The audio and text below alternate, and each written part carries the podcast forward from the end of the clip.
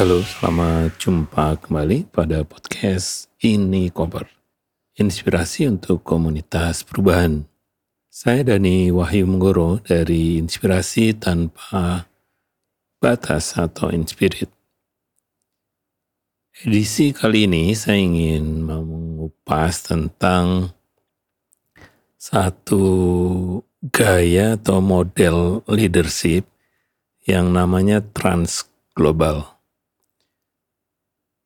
Sebenarnya saya pernah mendengar ini ya, konsep ini beberapa kali dan sempat juga diminta menjadi moderator dari salah satu uh, leaders yang menggunakan transglobal prinsip-prinsipnya dan juga perilakunya untuk mengelola satu apa, satu organisasi yang cukup besar.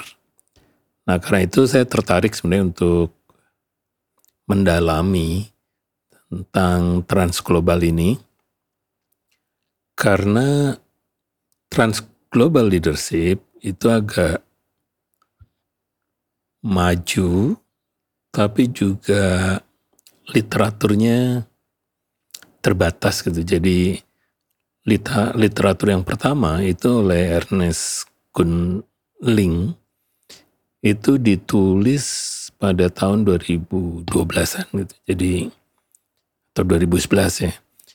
Jadi kita juga bisa membayangkan bahwa ini satu riset yang sangat panjang ya. Melibatkan ribuan leaders yang dilakukan survei untuk bisa menemukan satu konklusi yang kemudian diberi nama transglobal. Nah, kalau kita belajar tentang leadership itu kira-kira kan ada evolusinya ya. Evolusi yang pertama kita tahu bahwa leaders itu semacam pilihan Tuhan gitu. Jadi leader selalu ada kaitannya dengan hal-hal yang karismatik yang melekat pada orang itu. Jadi kalau yang disebut pemimpin itu biasanya ya sangat visioner dan orangnya memang sangat atraktif dan memiliki cara komunikasi yang luar biasa sehingga kita bisa mengikuti apa yang menjadi tanda kutip arahannya. Nah yang kedua itu adalah model leadership yang basisnya adalah transaksional. Nah di model transaksional ini kelihatannya muncul pada saat masa-masa industri ya, karena di sini orang semuanya dibayar. Ya, jadi kalau saya menjadi leader, saya bisa menuntut apa yang menjadi kewajiban setiap orang yang ada di bawah saya karena mereka semuanya dibayar. Dan semua berada di bawahnya. Jadi ini ada satu struktur di organisasi yang memaksa bahwa bawahan itu mau tidak mau harus menghormati atasannya. Nah, leader ini memang memiliki kapasitas yang luar biasa dan ditugaskan sebenarnya untuk menyelesaikan kasus-kasus atau menyelesaikan target-target yang ada di sebuah organisasi. Bisa sifatnya bisnis, juga bisa sifatnya publik. Nah, yang ketiga itu yang disebut dengan leadership yang sifatnya transformasional. Nah, transformasional ini itu ada kaitannya dengan tantangan-tantangan tentang inovasi, tentang berpikir strategis, juga berpikir jangka panjang. Jadi leader mulai tidak hanya sebenarnya melakukan proses transaksional dengan bawahnya, tetapi leader sebenarnya juga punya kemampuan untuk bisa mengkomunikasikan visinya, tapi juga bisa mendengarkan visi atau tafsir visi dari stafnya untuk menyelesaikan problem-problem yang dihadapi oleh organisasi.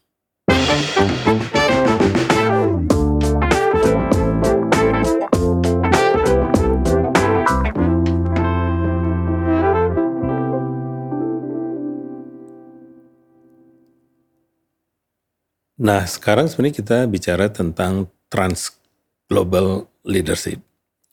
Trans global leadership sebenarnya adalah upaya untuk bisa mengkoreksi kelemahan-kelemahan yang ada di model karismatik. Kalau karismatik maka ya ya semuanya basisnya adalah bakat ya yang ada melekat di orang itu gitu. Yang kedua kalau transaksional itu semuanya sudah melakukan karena kalau kita dipilih menjadi sebuah apa semacam direktur atau menjadi dirjen sebuah organisasi, maka sebenarnya saya bisa menggunakan model transaksional karena dasarnya Anda punya anggaran segini, Anda punya target yang harus dicapai seperti ini, maka laksanakan dengan seefisien mungkin. Nah, kemudian yang kedua sebenarnya adalah bahwa proses-proses ini kadang dianggap tidak memadai sehingga masuk ke tahapan satu transformatif leadership karena yang harus dilakukan oleh leader itu adalah membuat perubahan. Mengapa melakukan perubahan? Karena tantangannya memang berbeda dengan apa yang terjadi pada saat semuanya normal. Nah, di sinilah model-model transformatif itu sering dipadankan dengan masa-masa kepresidenan SBY itu dianggap itu model-model leadership yang transformatif. Nah, isunya sebenarnya ketika kita membicarakan tentang apa ya, pengaruh global yang makin besar, maka di sini itu ada upaya sebenarnya adalah bahwa ternyata meskipun kita menggunakan transformative leadership pada saat di, diaplikasikan pada konteks global yang dasarnya adalah lokal, itu banyak yang gagal. Yang pertama sebenarnya ada yang disebut dengan sindrom, beberapa sindrom ya. Ada sindrom yang yang esensinya adalah egosentrik. Nah, di sindrom egosentrik ini artinya bahwa kalau saya diutus oleh sebuah perusahaan atau sebuah organisasi ke daerah atau ke negara lain, maka sebenarnya saya akan berbicara dari egosentrik organisasi saya. Karena organisasi saya yang benar. Jadi kalau saya bikin cabang atau dengan kawan-kawan di daerah, esensinya sebenarnya adalah mereka harus ikut saya. Itu yang disebut dengan sindrom egosentris karena saya mewakili organisasi yang meminta Anda melakukan apa pun yang sama dengan organisasi saya.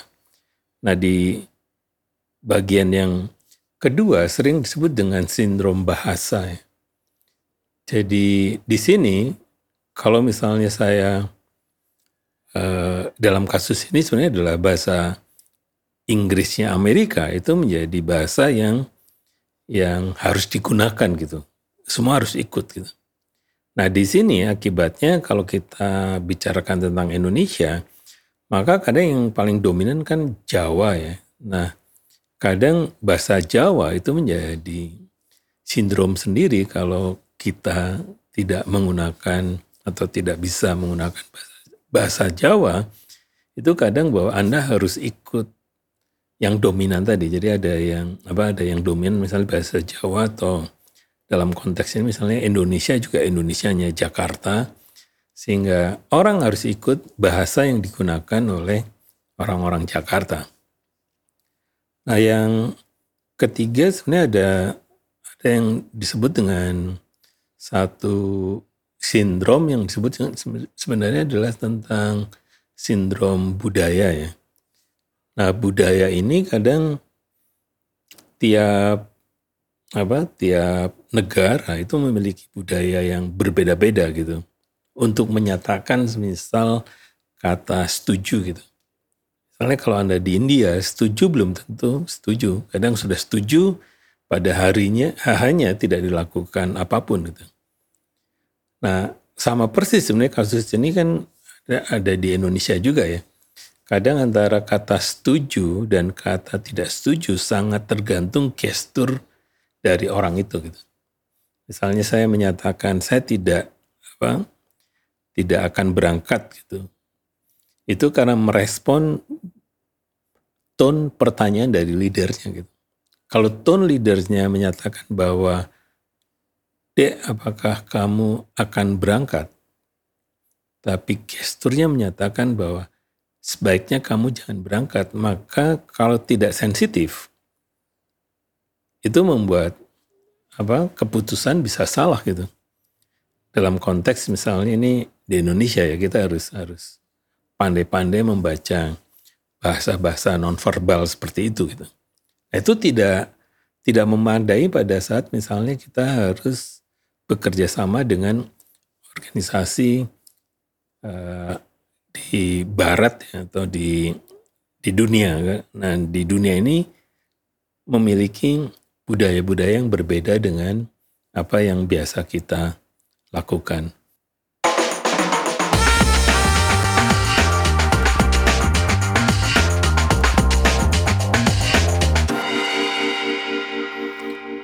Jadi sindrom yang keempat yang disebut dengan sindrom barat. Nah konteksnya barat ini, ini Amerika sebenarnya. Jadi yang benar itu pasti Amerika. Dalam konteks transglobal. Jadi kalau memang mau diadaptasi di Indonesia seolah-olah bahwa Jakarta pasti benar gitu. Sindrom seperti ini itu mau tidak mau sebenarnya akan dihapus gitu oleh transglobal. Istilah di globalnya sendiri, itu sebenarnya risetnya ada menggunakan sebuah matriks ya. Lihat, kalau kita lihat matriksnya, itu sebenarnya menarik juga ya, karena yang di sebenarnya gini ya, semacam kalau kita bikin sebuah project, project itu sebenarnya enak yang selalu comfortable atau yang selalu baru. Jadi dalam konteks run global sebenarnya adalah bagaimana organisasi itu selalu menciptakan satu proyek yang baru gitu. Yang beda gitu tiap tahun. Nah dengan cara itu sebenarnya kita bisa memastikan para manajer itu tanpa sadar sebenarnya itu bagian dari satu perilaku di trans global misalnya. Nah bagaimana sebenarnya kalau kita pada saat berdiskusi ya dengan leader, apakah selalu percaya bahwa leader itu benar atau justru kita mendengar dan boleh beda gitu dengan atasan kita. Nah kalau itu yang terjadi di satu organisasi itu boleh jadi itu juga bagian dari uh, transglobal. Lain sebenarnya adalah bahwa bagaimana pada saat kita melakukan tugas, apakah kita banyak mengeluh atau berbinar-binar ketika melakukan banyak kegiatan itu. Yang lain sebenarnya ketika kita melihat aturan, tupoksi dan sebagainya sebagai sesuatu yang harus dilakukan, tetapi atas baliknya adalah justru saya melakukan beyond beyond aturan-aturan itu untuk mencapai hasil yang menjadi tujuan dari organisasi gitu. Di sini sebenarnya juga tentang anggaran gitu. Anggaran selalu terbatas gitu. Nah, apakah kita fokus pada anggaran yang terbatas atau kita bekerja melampaui keterbatasan anggaran gitu. Nah, dalam konteks Indonesia ya, kalau kita di Jakarta, kita kan akan bekerja dengan kawan-kawan di pulau lain gitu. Nah, di dalam proses ini, apakah Jakarta tetap dominan atau Jakarta mulai mendengarkan apa yang menjadi kepedulian atau concern dari kawan-kawan di pulau lain gitu atau di provinsi lain. Di sini sebenarnya juga yang menarik adalah bagaimana kita mengantisipasi ya. Dalam konteks ini sebenarnya belum tentu cocok dengan organisasi pemerintah, tapi kalau kita mau pakai di organisasi pemerintah sebagai organisasi pelayanan, siapa yang sebenarnya dilayani gitu. Nah, para apa semacam warga negara yang dilayani ini itu boleh nggak sebenarnya bersuara gitu.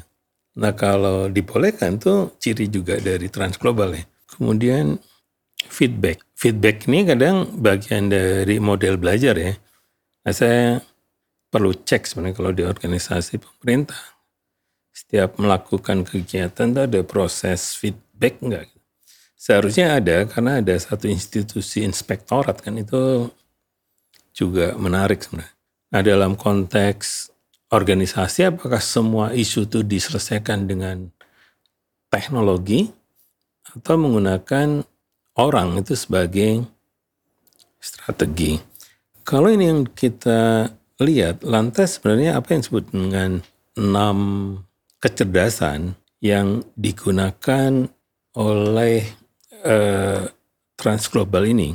Jadi di sini menarik karena ada enam kecerdasan dan lima perilaku yang digunakan oleh trans global leadership.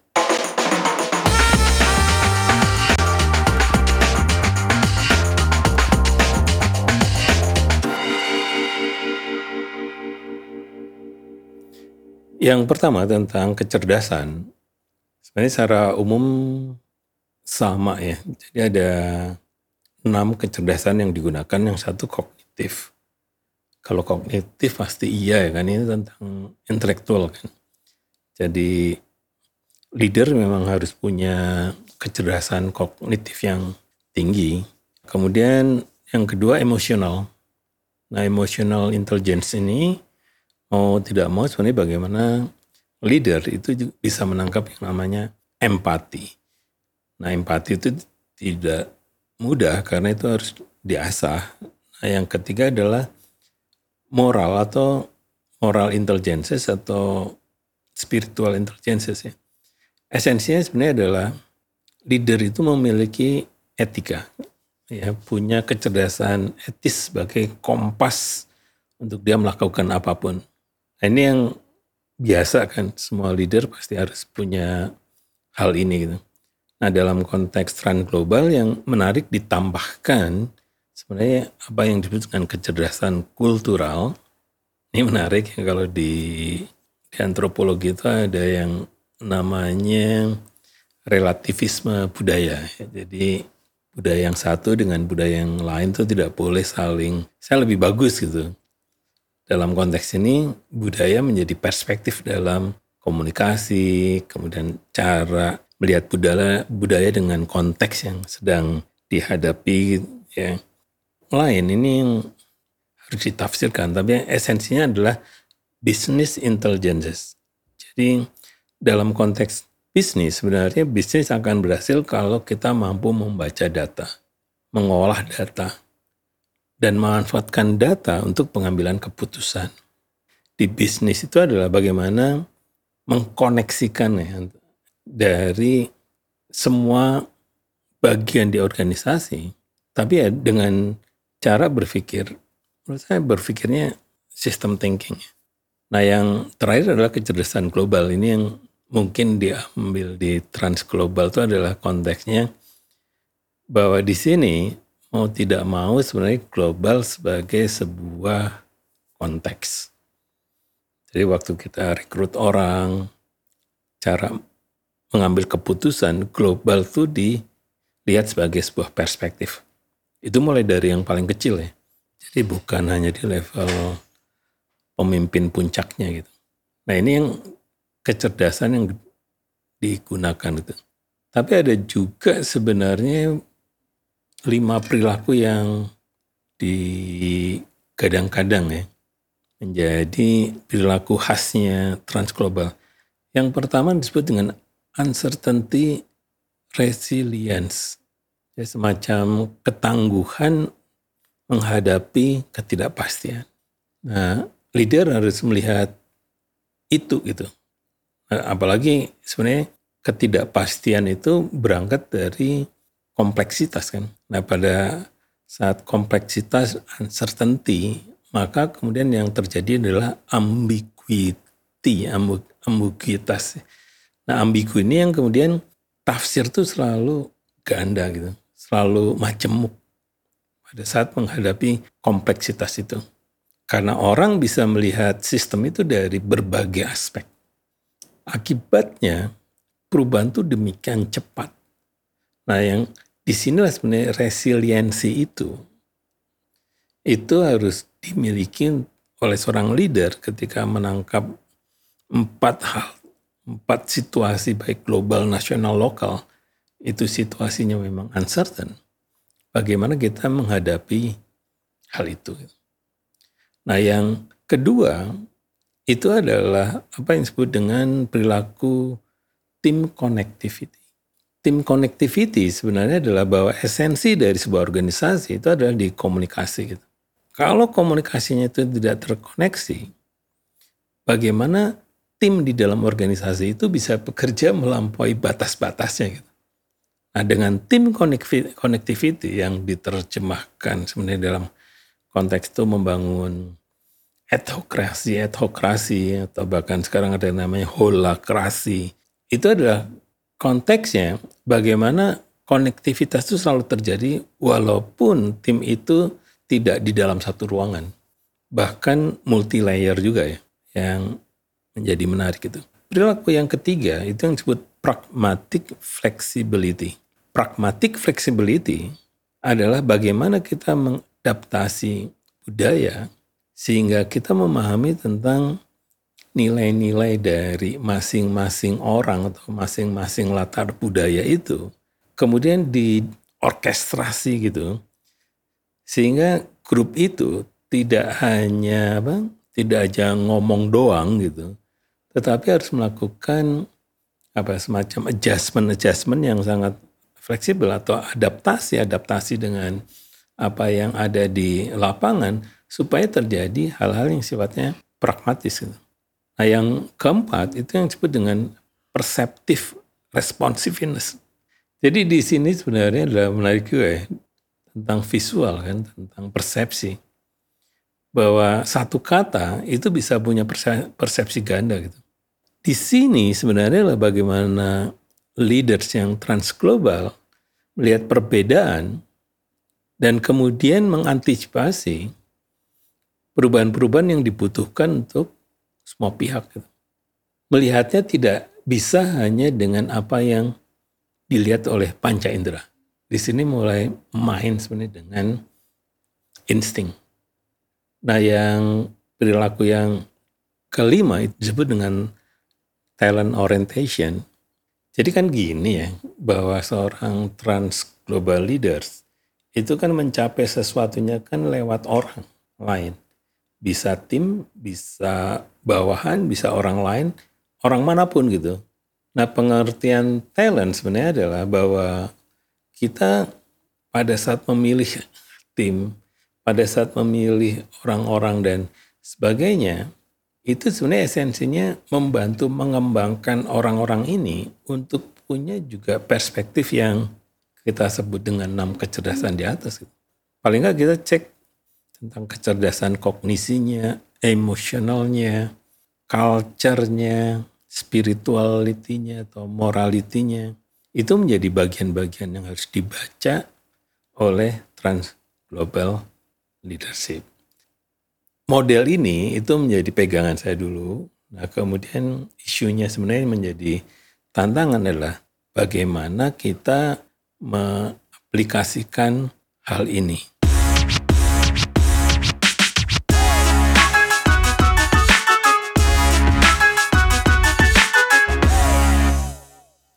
Situasinya memang harus harus ada satu problem yang ingin dijawab.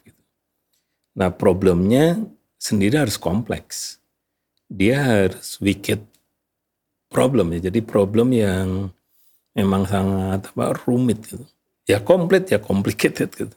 Di sini itu menjadi isu utamanya gitu. Pada saat problem ini di, dinyatakan sebagai problem, maka kemudian kita bisa turunkan dari perilaku-perilaku yang harusnya di dilakukan kan. Jadi di sini misalnya dari satu kasus, kemudian bagaimana tim ya itu melakukan respon pada kompleksitas dan uncertainty itu gitu. Harusnya ada argumentasinya di situ, apa yang dilakukan dan sebagainya. Yang kedua kita akan cek di tim connectivity-nya. Itu juga akan seperti apa. Nah ketika tim itu melakukan sesuatu, ya dengan berbagai apa uh, asal organisasinya ya bisa lintas kementerian atau lintas direktorat dan sebagainya maka bagian berikutnya adalah bagaimana mereka fleksibel menghadapi realitas itu gitu. Nah di situ kan ada perspektif yang beda-beda ya. Nah, apa yang kemudian menjadi opsi-opsi yang sifatnya pragmatik, flexibility, artinya harus disandingkan dengan ketidakmungkinan kan. Jadi misalnya bahwa aturan yang ada tidak mungkin. Nah, kalau itu yang ada maka kita masuk ke pragmatic flexibility. Jadi di sini sebenarnya adalah bahwa kadang kita pragmatik tapi nggak fleksibel. Karena misalnya hanya menggantungkan pada anggarannya kan. Nah yang kedua bisa juga fleksibel tapi juga nggak pragmatik karena memang ya hanya belok kanan kiri tapi tidak ada tujuan. Nah kemudian yang kita lihat sebenarnya perseptif respons, responsiveness-nya. Jadi di sini sebenarnya adalah kemudian ada nggak sebenarnya di yang dilakukan dalam konteks ini yang menggunakan tadi intuisi atau fakta-fakta lain yang kemudian membantu lebih sensitif untuk bereaksi dengan apa yang sedang dihadapi. Nah yang bagian terakhir sebenarnya boleh jadi apakah timnya itu anggotanya adalah orang-orang yang punya talenta yang memang terpilih gitu. Jadi di sini sebenarnya kita juga harus apakah dari posisinya, apakah dari latar belakang pendidikannya atau dari pengalamannya. Jadi itu saja ya satu pengantar tentang transglobal. Ini transglobal leadership yang kita akan coba kembangkan menjadi contoh-contoh ya sebenarnya dari prinsip-prinsip yang ada. Demikianlah ini koper kali ini. Sampai jumpa pada edisi berikutnya.